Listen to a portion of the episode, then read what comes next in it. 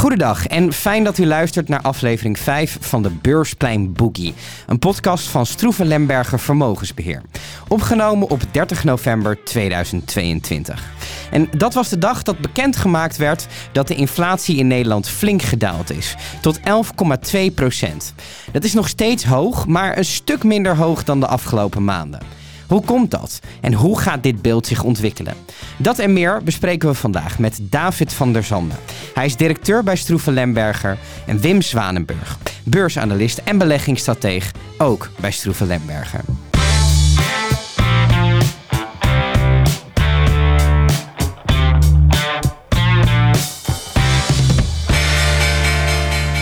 Ehm, nou, het beeld op de aandeelmarkten die zijn de laatste tijd uh, positief. De koersen die zijn, uh, die zijn gestegen. Hoe kijken jullie hier naar? Ja, als je kijkt in de afgelopen weken dan is, uh, en je kijkt naar, naar aandelenkoersen, dan denk je van het ziet er, het ziet er goed uit. Dus in, in Nederland, maar ook in andere Europese landen en op de Amerikaanse beurzen zien we in de afgelopen zes weken dat het sentiment duidelijk is verbeterd. behoorlijke koersstijgingen die we hebben, hebben gezien. En de dieptepunten van medio oktober, die hebben we nu wel even achter ons uh, gelaten. En uh, ik denk dat dat wordt uh, mede is beïnvloed door de verwachting van de markten dat de centrale banken in 2023 ja, zeg de niveaus in de beleidsrente wel gaan bereiken, dat ze niet meer verder gaan verhogen. Hè, dus, dus er, er, is een duidelijker zicht op het eind van de renteverhogingen van de centrale banken. Dat is één. Twee, inflatiecijfers die we hebben gezien de laatste tijd, die, uh, uh, ja, die, die, uh, die dalen wat. Hè. Dus vandaag ook weer Nederlandse inflatie. Lager dan verwacht en lager dan het cijfer in de vorige maand. Dus dat geeft de burger ook wel een beetje moed. En drie, bedrijfswinsten over het derde kwartaal, die eigenlijk grosso modo best wel oké waren. Een aantal bedrijven heeft het wel lastig. Maar het is niet zo dat er sprake is van volledige malaise in alle sectoren. Ja, de, de markten die reageren minder uh, schrikachtig. Hè. We hebben natuurlijk eerder dit jaar uh, een aantal heel onvoorziene gebeurtenissen gehad. Uh, eerst al de oplopende inflatie. Daar kwam toen nog de inval van Rusland in Oekraïne overheen. Die ook de grondstoffenprijzen en met name de energieprijzen fors omhoog stuwde.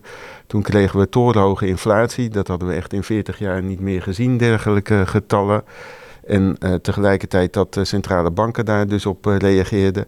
Nou, en uh, ja, de, de afgelopen, laat ik zeggen, twee maanden was er één woord, een kernwoord in de internationale financiële media. En dat was het woord pivot. En dat is gewoon in het Nederlands vertaald een kantelpunt. Van we hebben de top van inflatie nu wel gezien. Centrale banken zijn vastberaden om de inflatie te beteugelen de rente te verhogen door op het uh, rempedaal te trappen, zeg maar. Ja, en ja, dan uh, is de eerste vrees altijd van de markten dat er een forse recessie aankomt. Maar we zien gewoon dat uh, consumentenbestedingen toch nog wel redelijk op peil blijven. Ondanks het feit dat de inflatie de koopkracht heeft aangetast. veel mensen hebben, veel gezinshuishoudingen hebben nog een spaarpotje van tijdens de coronapandemie. Er is ook de bereidheid om nog wel te besteden, ondanks het verslechterde sentiment. Nou, en uh, dat alles uh, bij elkaar heeft de markten toch in een wat betere stemming gebracht. Ja, want als we kijken naar die inflatiecijfers, in september staat op 17,1 procent. toen 14,3 in oktober, nu 11,2. Gaat dat nog dieper dalen of wat verwachten jullie daarin? Nou, het is wel een bijzondere zeg maar, componentenberekening hoor, in, in, in Nederland en, en, en in Europa. Maar er zit een hele grote bijdrage van, eh, van de energieprijzen in. En we zien gewoon de laatste maanden dat die, die gasprijzen bijvoorbeeld toch aan het dalen zijn. West-Europa heeft toch elders ook gas vandaan gekregen met, met vloeibaar gas wat uh, per schip in terminals uh, is aangevoerd. Dus uh, de, de, winter komen we wel door. Wat spannend is natuurlijk hoe het volgend jaar zal gaan. Want die Nord Stream pijpleidingen waarmee Russisch aardgas nog werd aangevoerd, zelfs na het uitbreken van de oorlog, ja, die zijn beschadigd, die zijn opgeblazen. En dat gas zullen we niet meer kunnen gebruiken. Uh, maar je ziet ook de olieprijs, die, die is uh, ja, toch wel fors gedaald. dat komt ook mede door de vraaguitval die er is. China, waar we nog steeds zien dat er hele strenge COVID-maatregelen worden genomen, waar de economie ook op een lager tempo draait. Dus alles bij elkaar leidt dat ertoe dat er wat meer evenwicht komt en wat gunstige prijsvorming. Ja, maar als je toch dan kijkt naar, naar die volgende winter bijvoorbeeld, en erbij neemt dat, dat die Chinese lockdowns op een gegeven moment misschien ook op gaan houden, dat ga, dan gaan die prijzen voor energie natuurlijk wel weer gigantisch stijgen. Ja, dat zou kunnen. Ik denk, ik denk dat het heel erg lastig is om, om echt puntschattingen te geven van Ja. waar gas- en olieprijzen naartoe gaan. Ja, Ja, dat hangt af van zoveel factoren. Dus, ehm, maar ik denk wel dan even terug naar de inflatie. De, de vraag die je net stelde. Ik denk dat het heel aannemelijk is dat de inflatie eh, verder gaat dalen. ja. Dat is iets wat wij al een tijdje verwachten. En in feite zien we dat die verwachting nu ook uitkomt. Puur omdat je hè, de basiseffecten die, eh, die gaan nu in werking. Eh, dus dat, dat zie je. Maar ik denk ook wel dat er in zeg maar de, de kerninflatie gewoon wel een aantal elementen zitten. Waarvan je mag verwachten dat het met afnemende economische groei. dat daar ook wat prijsdruk ontstaat. Voorraden lopen op. Hè, wat Wim net ook al zei. Eh, je ziet ook eh, supply chain eh, issues die zijn ehm, eh, minder. Hè? Dus je zag eerder dat er echt na, na COVID... dat de hele supply, chains die waren gewoon in de war... waard- waardoor de prijzen van containers et cetera opliepen. Nou, je ziet nu ook dat die zijn gedaald. Dus, dus de prijzen van het vervoeren van pakketjes die nemen af.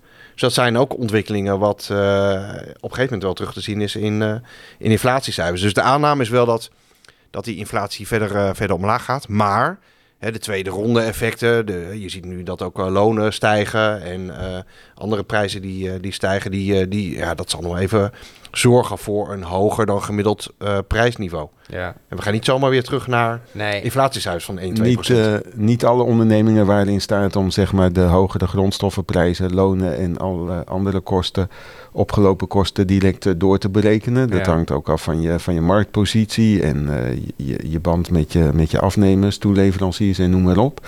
Maar eh, dat wordt met vertraging natuurlijk wel eh, doorgevoerd. Ja. Dus we keren nog niet direct tot hele lage inflatiecijfers eh, terug. Maar eh, nou, de, de cijfers van, van boven de 10% die lijken wel achter ons. Goed, al met al lijkt het er dus op dat het plafond van de inflatie is bereikt en we steeds een stukje verder zullen gaan dalen. Maar zien we dit beeld eigenlijk alleen in Nederland of ook in de hele wereld? Wim? Ja, het is echt wel, eh, wel internationaal. Eh, wat dat betreft is het beeld echt mon- mondiaal. Eh, eh, met uitzondering van China, waar we Ja. zelfs eh, eigenlijk nog een hele lage inflatie zien, die meer tussen de 2 en de 3 procent beweegt. En hoe komt dat? Nou, in, in, in China echt ook vanwege het feit dat daar die vraaguitval heeft plaatsgevonden. We zien wel verschillen echt in inflatie tussen de VS en Europa met name. In Europa is het veel meer gedomineerd door de oplopende energieprijzen. Dat is in eh, de Verenigde Staten minder het eh, geval geweest. Maar daar heeft nadat eh, de Biden-administration was aangetreden, na de laatste presidentsverkiezingen, de Biden-regering eigenlijk eh, de Trump-administration nog trachten te overtroeven. Toen zaten we ook nog in de coronacrisis. En toen hebben ze nog eh, checks eh, met inkomenssteun naar de gezinshuishoudingen gestuurd. En er was eigenlijk te veel van het goede. Daardoor is de economie gewoon oververhit geraakt. En ja, wat we ook zien is dat wereldwijd eh, de arbeidsmarkt heel krap is. Dus dat is een eh, overeenkomst. Dat geeft natuurlijk ook wel wat eh, druk op, op, op, op de lonen. Na de coronapandemie is ook niet iedereen teruggekeerd op zijn werk waar die eventueel eerder was ontslagen. Nou, die arbeidsmarkt is, is, is krap. Dat zien we ook door de effecten van, van veroudering. Maar er zijn dus wel wat eh, verschillen. In Europa is dus de inflatie veel meer door aanbodfactoren gestuurd en in de Verenigde Staten door vraagfactoren. En in de Verenigde Staten probeert de Fed, de centrale bank, daar juist ook op eh, in te grijpen. En we zien dat dat effect sorteert. Bijvoorbeeld eh, de hogere geldmarktrente, de officiële beleidsrente, is verhoogd. Dat werkt ook door in bijvoorbeeld de hypotheektarieven van de banken voor nieuwe huizen en dergelijke. Eh, en we zien dat daar bijvoorbeeld echt het aantal transacties eh, afneemt. Ja. Dus eh, uiteindelijk, het rentewapen wordt ingezet door de centrale banken om de economische groei af te remmen. En dat heeft soms wat tijd nodig. Maar dat zien we nu wel echt effect sorteren. ja. Zeg je daarmee ook dat het vet meer doet dan, dan de ECB? De Fed is veel eerder begonnen en heeft, het ook, heeft ook grotere stappen genomen. Die op, nou, later dit jaar ook wel gevolgd zijn door de ECB.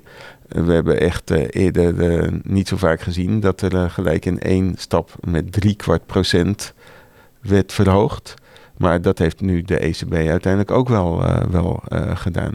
We denken wel dat die stappen de komend jaar kleiner uh, worden. En in de VS is de discussie of de geldmarktrente uiteindelijk op, op 4,5% of misschien op 5% gaat, ja, gaat uitkomen in, in de VS wordt, wordt aangenomen dat als er echt een recessie uitbreekt en er zouden ook ontslagen volgen, de Fed heeft daar een uh, tweeledig mandaat, moet ook breder op de economie sturen als de werkloosheid gaat optreden, dat dan de Fed ook bij het uitbreken van de recessie ook wel weer de rente gaat verlagen. Nou, in Europa loopt de ECB daar gewoon nog uh, behoorlijk op achter. En we zien toch in allerlei prognoses en bijvoorbeeld uh, ook uh, de termijnmarkten van geldmarkttarieven, de futuresmarkten, zien we eigenlijk in Europa nog geen renteverlagingen worden ingeprijsd en in de VS. Nou, later in 2023 wel. Maar dat is echt ook wel een voorlopige inschatting. Want ja, we, tot nu toe uh, is er in de VS nog geen recessie. Uh, sommige economen zeggen dat we in Europa daar eigenlijk al in zitten. En dat komt ook omdat in Europa soms ook al productiefaciliteiten door ondernemingen zijn stilgelegd vanwege de te hoge energiekosten. Ja. Vinden jullie het te extreem om te zeggen dat we al in een recessie zitten? Of? Dat kun je altijd pas achteraf zeggen. Ja. Dus uh, de cijfers die worden gepubliceerd, hè, twee, dus, de, de term voor recessie is twee kwartalen van uh, negatieve economische groei. Ja. En uh, dat, weet je, dat weet je achteraf. Ja. Dus als je kijkt naar de cijfertjes voor de Nederlandse economie, dan uh, kun je niet nu al zeggen dat we erin zitten. Maar het heeft er, als je kijkt naar bepaalde indicatoren, mm -hmm. dan heeft het alle schijn van dat een aantal West-Europese landen daar wel op afstevenen. Ja. En met name, kijk, de, de vrees was natuurlijk met name dit jaar dat Duitsland en Italië, wat in Europa gewoon hele grote landen zijn, ja. En sterk afhankelijk zijn, zijn van Russisch gas, dat daar met name de, de klappen zouden komen. Ja. Dus dat is. Uh, dus ja, ik denk ook, en ik ben zelf eerlijk gezegd, ik vind, ik vind de discussie over we komen in een recessie altijd een beetje overtrokken. Ja. Want uh, laten we wel wezen, twee kwartalen van een, een negatieve economische groei. Dat, en als je daar dan weer uitkomt, dan uh, ja, dat is een, een, een, een dipje. Ja. Ja, maar ik, nogmaals, en uh, Wim, correct me if I'm wrong, maar ik denk niet dat uh, we in West-Europa of in de Verenigde Staten afsteven op een langdurige recessie. Van kwartalen achter elkaar dat het maar achteruit kachelt. Ja, het is een beetje een termdiscussie, terwijl het gaat ja. eigenlijk ook om levenskwaliteit en, en dat soort ja, Tuurlijk, ja, ja, ja, zeker. Ja. Maar laten we wel wezen, hè, bedrijfswinsten. Als je kijkt naar waar winstniveaus nu zijn mm -hmm. en ook uh, winstgroeicijfers die we hebben gezien tot op heden, dat ziet er best nog wel goed uit. Ja. En ja, bedrijven die zijn voorzichtig, ook met het geven van een outlook, maar ze staan er wel goed voor. Hè. De balansen die zijn sterk. Ze hebben heel erg geprofiteerd van uh, een klimaat van lage rentes. Dus veel bedrijven die financiering nodig hadden, die hebben dat vaak voor een hele lange tijd uh, vastgelegd. Wat, uh, wat goed is. nou, consumenten die worden natuurlijk geraakt in hun portemonnee, maar worden ook gecompenseerd hier in Nederland en ook in andere landen door, door, door, door overheden. Ja. Um, de arbeidsmarkt die is uh, behoorlijk krap. Wat, de, wat inderdaad de, de werknemer ook een zekere machtspositie geeft richting de werkgever. Om te zeggen van ja, ik wil gecompenseerd worden in mijn loon voor die, die hogere prijzen. En dat zorgt weer voor dat in dat lonen stijgen. Je ziet ook bij pensioenfondsen dat die, die, die voeren behoorlijke verhogingen door. Wat ook die mensen weer een extra zakcentje geeft in de komende jaren. Ja. Hè, dus dat is weer een. Uh, ja, dat geeft, biedt toch wel wat compensatie voor die hogere prijzen die we zien. Dus wij zijn niet zo heel erg bevreesd dat we hier in Nederland of in West-Europa toegaan naar een hele grote, hele grote recessie. recessie. Ja. ja. Nee. Nee, ja, dus de, de krimp, hè, die, die zal, economische krimp, die zal waarschijnlijk beperkt uh, blijven. Maar dit is wel de inschatting van het uh, consensus scenario. Dus het scenario waar de meeste economen het over eens zijn. Maar er zijn altijd uh, onverwachte gebeurtenissen die roet in het eten kunnen gooien. Dus je moet altijd meerdere scenario's in ogenschouw nemen en ook ontwikkelen. En kijken hoe je daar met de beleggingen het beste op, op kan sturen. En nou, dat is echt afgelopen jaar wel moeilijk gebleken. Want die torenhoge inflatie die had nog niemand verwacht. Aan het begin van het jaar zeiden echt alle centrale bankiers bijvoorbeeld van nou, de inflatie die we toen al zagen, nog voor de inval van Rusland in Oekraïne, zou van voorbijgaande aard zijn. Nou, dat heeft zich toch wel breder genesteld in de economie. En ja, om dat weer tot rust te brengen, dat heeft ook weer tijd nodig. ja, maar goed, tijdens recessies dan wordt er altijd gekeken naar de zogenaamde misery index. De misère die wordt dan veroorzaakt door uh, massa-ontslagen en uh, door uh, ook nou, tamelijk hoge inflatiecijfers. Nou, dat laatste zien we dus nu wel. Maar die massa-ontslagen die verwacht ik niet. Zelfs de ontslagen die we de afgelopen weken hebben gehoord in bijvoorbeeld de technologie sector. Zelfs daar groeien de bomen niet tot in de hemel.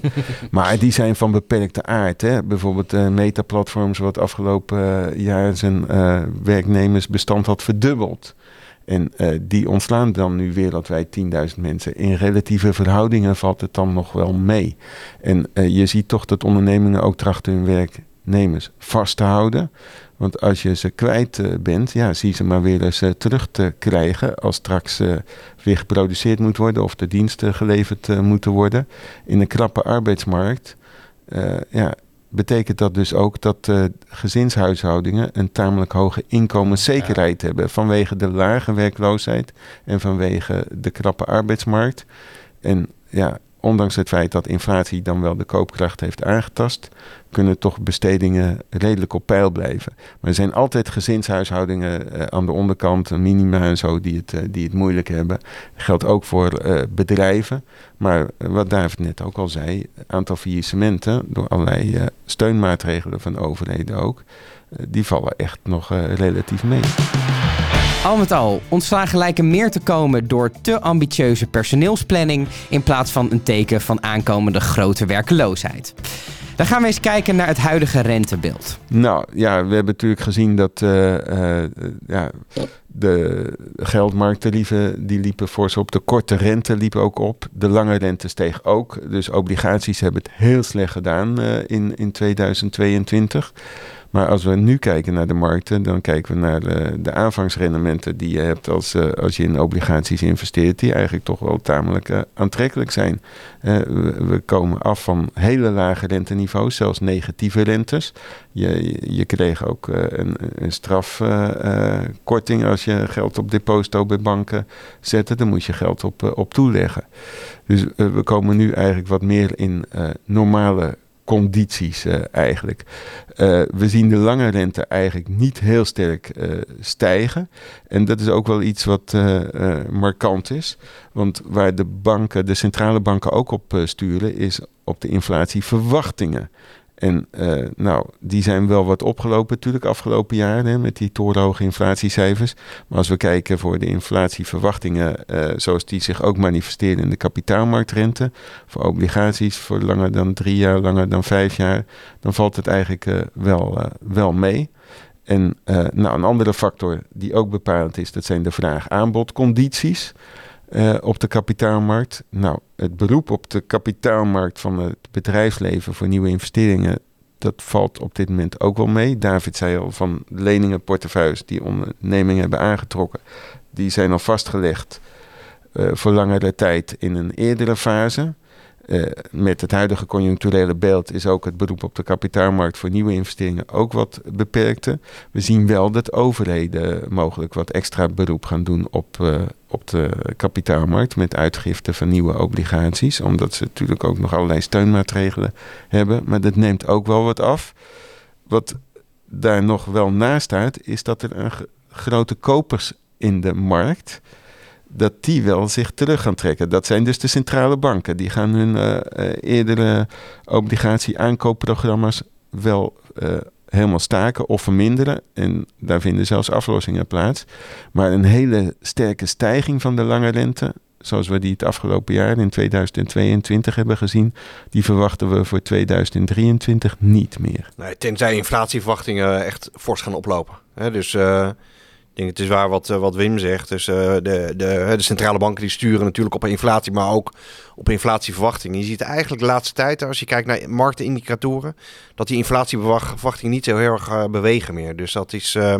en we hadden net over inflatie. Inflatiecijfers die komen de laatste tijd wat lager binnen dan we eerder hebben gezien en ook lager dan verwacht. Dus dat doet ook iets met die inflatieverwachtingen natuurlijk. Dus ik denk dat de risico's momenteel niet zo heel erg aan de bovenkant, uh, bovenkant liggen. Maar als je dan kijkt als obligatiebelegger van wat voor keuzes moet je nu maken. Hè, er was vanmorgen nog een artikeltje waarin uh, stond dat in de afgelopen weken er weer heel veel geld naar obligaties is toegegaan. Dus je ziet dat de lange tijd zijn beleggers eigenlijk best wel voorzichtig geweest met de obligaties. Wij zijn ook nog steeds onderwogen hoor in de obligaties. Maar er was eigenlijk gewoon heel weinig reden om in de obligaties te beleggen. Omdat die rente zo uh, laag waren. En je ziet nu dat het wel weer interessanter wordt om liquiditeiten aan te wenden. En om met name in korte looptijden gewoon weer obligaties te gaan uh, kopen. Dus dat, uh, dat zijn bewegingen die, uh, die je ziet. Je ziet ook dat extra kredietvergoedingen voor het lopen van kredietrisico. Dus als je belegt in een bedrijfsobligatie, dan krijg je wat meer compensatie in je rente dan wanneer je belegt in een staatsobligatie. Ja, die, die spreads, zo noemen we die, die zijn, die zijn uitgelopen. Dus dat maakt het ook aantrekkelijker om in bedrijfsobligaties te gaan beleggen. Dus al met al is het klimaat voor obligatiebeleggers gewoon een stuk beter dan een jaar geleden. Omdat de rendementen, de aanvangsrendementen weer, uh, weer wat, wat beter zijn. Maar ik denk wel dat als je kijkt naar de rentecurve, dus waar ligt de rente voor één jaar, twee jaar, drie jaar, vier jaar, vijf jaar, et cetera. Dan is heel weinig reden om heel ver op die rentecurve te gaan zitten. Dus korte looptijden die zijn best wel interessant. Maar er is weinig reden om te zeggen van nou, ik ga lekker uh, een tienjarige lening of een twintigjarige lening kopen. Omdat je nauwelijks, wordt, uh, nauwelijks extra rendement krijgt voor het lopen van meer tijdsrisico. Dus obligaties worden interessanter. Maar als je kijkt naar risico en rendement, kunnen we toch beter gaan kijken naar aandelen. Dus David, hoe zit het daarmee? Aandelenmarkten, die zijn, nou, kijk, daar begonnen we net mee, die zijn natuurlijk opgelopen. Maar ik denk dat, dat het beeld voor aandelen de laatste tijd wel gewoon is, uh, wel wat is, uh, is verbeterd. Um, en dat heeft, dat heeft met een paar dingen te maken. We hebben het net over bedrijfswinsten gehad. Ook de vrees voor die diepe recessie. Ik denk dat die wel is, uh, is afgenomen. Ik denk ook dat meer duidelijkheid over wanneer centrale banken stoppen met het verhogen van de rente. en daarmee ook rust in de rentemarkten. Dat, heeft, dat zorgt ook voor nou, wat, een wat rustiger beeld voor, voor aandelen. Dus ik denk dat, uh, dat, het, dat het beeld voor aandelen het komende jaar best wel eens, best wel eens oké kan zijn. Um, en wat je vaak ziet is dat als als een economie in, we hadden net over die recessie, als een economie in een recessie zit, dat de aandelenmarkten eigenlijk al dieptepunten hebben bereikt en weer de weg omhoog uh, zoeken. Waar economen en, en uh, strategen nog wel voor waarschuwen is dat er nog veel neerwaartse bijstellingen van winsttaxaties kunnen plaatsvinden. En dan zou dan, nou als de waardering gelijk blijft hè, je hebt de tellen en de noemer enzovoort. Als dan uh, de winsttaxaties lager uitkomen, dan zou dit ook nog uh, een verdere correctie in de marktniveaus, in de indices kunnen veroorzaken. Maar eerlijk gezegd, uh, ja, we hebben al forse aanpassingen gezien, toch wel, van, van die taxaties. En voor het geheel lijkt dat nog te weinig te zijn, omdat ze voor bepaalde sectoren zelfs opwaarts zijn bijgesteld. Bijvoorbeeld voor de energiesector, voor de oliesector. Uh, maar die neerwaartse uh, bijstellingen die zijn toch de afgelopen twee kwartalen, het afgelopen half jaar al heel fors geweest. En bij de bedrijfsresultaten, de feitelijke rapportages, is steeds het beeld hetzelfde. Namelijk dat de rapportages de verwachtingen overtreffen. Dat analisten niet zoals heel vroeger te optimistisch waren, maar eigenlijk per saldo een beetje te pessimistisch. Ja. En dan komen die cijfers en dan is er toch weer heel veel optimisme in de markt. Nou, je ziet wel dat als de individuele bedrijven echt tegenvallers rapporteren, dan wordt het nog wel eens afgestraft. Oh ja. Maar uh, het, het, uh, over het uh, geheel genomen, de, de bedrijfscijfers die vielen dit jaar mee. Waar wel natuurlijk een, een, een factor meespeelde die van invloed was. Europese bedrijfsrapportages die waren echt wel beter. Bijvoorbeeld ook omdat ze uh, zeg maar in, in buiten de euro behaalde bedrijfswinsten terugvertaald naar euro's. Die vielen uh, dan ook hoger uit omdat uh, de euro was gedaald, bijvoorbeeld ten opzichte van de dollar. In de Verenigde Staten was het beeld precies andersom. Daar sprak men van valutaire tegenwind. Bijvoorbeeld ook techbedrijven die mondiaal actief zijn, bijvoorbeeld een Microsoft of een Apple, ja, als die in Europa winsten behalen, terugvertaald naar dollars, valt dat dan lager uit. Maar voor de Europese multinationals was dit nou echt eens een keer een meewindfactor. en ondanks het feit dat in Europa de recessiegevoeligheid groter is en de energieafhankelijkheid van Russisch aardgas groter is, uh, ja, was dat uh, gelukkig een uh, compenserende factor. Ja, je ziet wel nu dat die dollar-euro-koers weer een beetje stabiliseert, hè? Ja. Ja, ja we hebben eigenlijk gewoon twee jaar, hè, dus 2021 en ook 2022 zag je dat ehm, de dollar die werd, die werd sterker. En ik denk dat, dat ja, dit jaar kun je dat heel makkelijk verklaren, omdat de Centrale Bank van de Verenigde Staten gewoon veel sneller en agressiever de rente heeft verhoogd. Dus de renteverschillen tussen de Verenigde Staten en Europa liepen op. En vaak leidt dat tot een sterkere koers van de valuta in het land waar de rente harder oploopt. Dus dat is wel een verklaring. En nu zie je dat de ECB die is natuurlijk ook gestart met het verhogen van, van de rente. En ja, we hebben een behoorlijke rally in die, in die dollar gehad hoor. Van zeg maar begin 2021, 2022 tegen bijna pariteit een paar weken geleden. En nu zie je weer dat dat de dollar ten opzichte van de euro wat is, uh, wat is afgezwakt. En ik vermoed zelf, maar uh, Wim, correct, uh, vul me aan waar, waar nodig, dat, dat je de komende tijd zult zien dat we meer zijwaarts zult, zult zal bewegen. Dus de ECB en de Fed die zitten allebei in de, in de modus van het verhogen van, van de rente. Dus, uh, dus ik vermoed dat er wat dat betreft niet zoveel impulsen uitgaan. Dus meer zijn dat die dollarkoers nog sterker moet worden. Maar je ziet wel dat de dollar is een... Is een in tijden van onzekerheid is, de, is het wel vaak een vluchthaven. Hè, dus mocht, uh, mocht het conflict in Oekraïne verder uh, escaleren, of de spanning in Europa uh, groter worden, dan zie je wel, zo, dan kun je verwachten dat de dollar sterker wordt. Ja, als bijvoorbeeld ook in Italië de nieuwe regering toch ineens weer enorme uitgaven gaat doen, waarbij de tekorten oplopen. Dat ondergraaft het vertrouwen bijvoorbeeld in de euro. Er zijn een heleboel factoren die invloed hebben op het verloop van, van wisselkoersen. Wisselkoersen, ook de euro-dollar verhouding is toch vaak heel moeilijk voorspelbaar. Nou, eh, wat David uh, noemde, die renteverschillen, geld- en kapitaalmarktstromen, dat heeft de invloed, hè, want dat zijn eigenlijk gewoon de vraag-aanbod verhoudingen. Wat we uh, wel zien, is dat zeg maar in Europa de betalingsbalans verslechtert, de lopende rekening verslechtert, omdat we hogere energierekeningen moeten betalen. De energieprijzen zijn opgelopen en die worden verhandeld in dollars. En we hebben ook meer energie van buiten uh, moeten importeren. Dus uh, ja, dat heeft gewoon het Europese beeld uh, verslechterd. Nou, handelstromen hebben tegenwoordig wat minder impact dan de geld- en kapitaalmarktstromen. Dus hoe dat uit gaat uh, vallen komend, uh, komend jaar. Ja, uh, we hebben echt een enorme rally gezien van, van de dollar. Dus we denken dat ja, dat misschien wel een beetje overdone is. Het heeft dit jaar wel heel goed uitgewerkt. Want het heeft ook wat de verliezen die we ook gewoon hebben op Amerikaanse aandelen. De markten hebben gewoon heel breed onder druk gestaan. Maar ook Amerikaanse aandelen ja, terug vertaald naar het euro-beleggingsresultaat is dat dan tenminste ook nog een meevallertje geweest. Goed, dan door naar de laatste vraag van deze aflevering. In december komen de centrale banken van Europa en de VS weer bij elkaar. Wat gaan we daar zien? Nou, ik denk wel dat uh, voorlopig nog uh, uh, zeg maar de rentetarieven worden, worden verhoogd. En er is duidelijk vastberadenheid getoond om de inflatie te beteugelen. En de centrale bankiers in allerlei speeches geven ook al waarschuwingsschoten af. dus de markt zal niet verrast zijn als voorlopig de rente nog wordt, wordt verhoogd.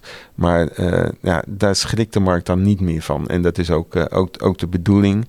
Het laat zien dat ja, de centrale bankiers toch echt wel nu de vinger aan de pols hebben. er wordt niet meer gesproken van inflatie van voorbijgaande aard. we moeten echt nog zien dat die inflatie duidelijk gaat dalen. En dat zal pas medio volgend jaar echt goed merkbaar zijn. Ik denk ook wel dat die, die inflatiecijfers die je de laatste tijd ziet, die vielen, die vielen wel mee. Nog wel hoog, maar het was niet zo dat, dat inflatiecijfers veel hoger waren dan verwacht. Dus dat, uh, dat zal wel meespelen in de beslissingen die ze nemen. En volgens mij zijn de verwachtingen dat uh, zowel de ECB als de Fed beide met 50 basispunten gaan, uh, gaan verhogen. En dan zie je met name bij de Fed dat die echt, die zijn nu wel een beetje aan het vertragen. Die hebben een aantal keren met 75 basispunten ook verhoogd. Dus die zitten wel in de modus van ehm, dat ze het tempo waarmee ze verhogen eh, een beetje gaan afzwakken. En dan allerlei indicatoren zien we echt dat dat beleid effect begint te sorteren. Dat de economie in de Verenigde Staten ook echt aan het, eh, aan het vertragen is. Ik noemde al eh, de huizenmarkt, maar ook allerlei inkoopmanagers en industriële indices. Die duiden erop ja, dat de economie vertraagt. Maar voor de VS nog te vroeg, denk ik, om over echt een recessie te praten.